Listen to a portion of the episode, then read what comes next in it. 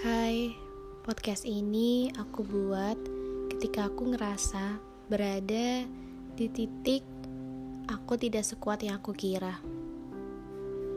Hmm, ada saatnya kita optimis dan ada saatnya kita tahu diri.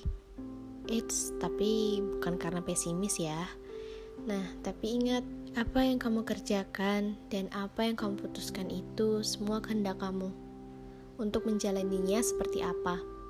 Boleh maksimal dalam mencapai keinginan, tapi harus ingat kemampuan kamu. Semua yang menjadi cita-cita tidak harus dikejar terlalu cepat, tapi harus dikejar dengan tujuan yang jelas dalam waktu yang tepat. Tidak ada jiwa yang lemah dalam diri kamu ataupun aku. Cuman kitanya aja yang kurang paham apa aja kapasitas yang bisa kita lakuin. Terkadang kenyataan tidak bisa berbarengan dengan ekspektasi. Tapi mungkin mereka bisa jalan satu persatu berbarengan dengan usaha kamu. Emang benar sih, amanah itu tidak akan salah pundak. Tapi bukan berarti kita memaksakan diri kita untuk hal yang tidak kita inginkan.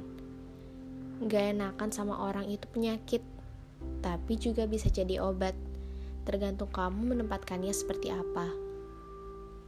Kalau kamu berbuat baik, cukup lakukan saja tanpa berharap imbalan. Kalau kamu masih berharap imbalan, itu berarti kamu tidak benar-benar baik dan tulus dengan apa yang sudah kamu lakukan. Lakukanlah hal yang memang benar-benar kamu kehendaki untuk melakukannya.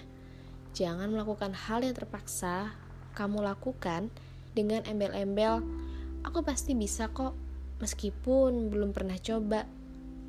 Optimisme itu baik, tapi harus dibarengi dengan tahu diri. Jangan lupa istirahat ya, lebih baik menjaga daripada mengobati.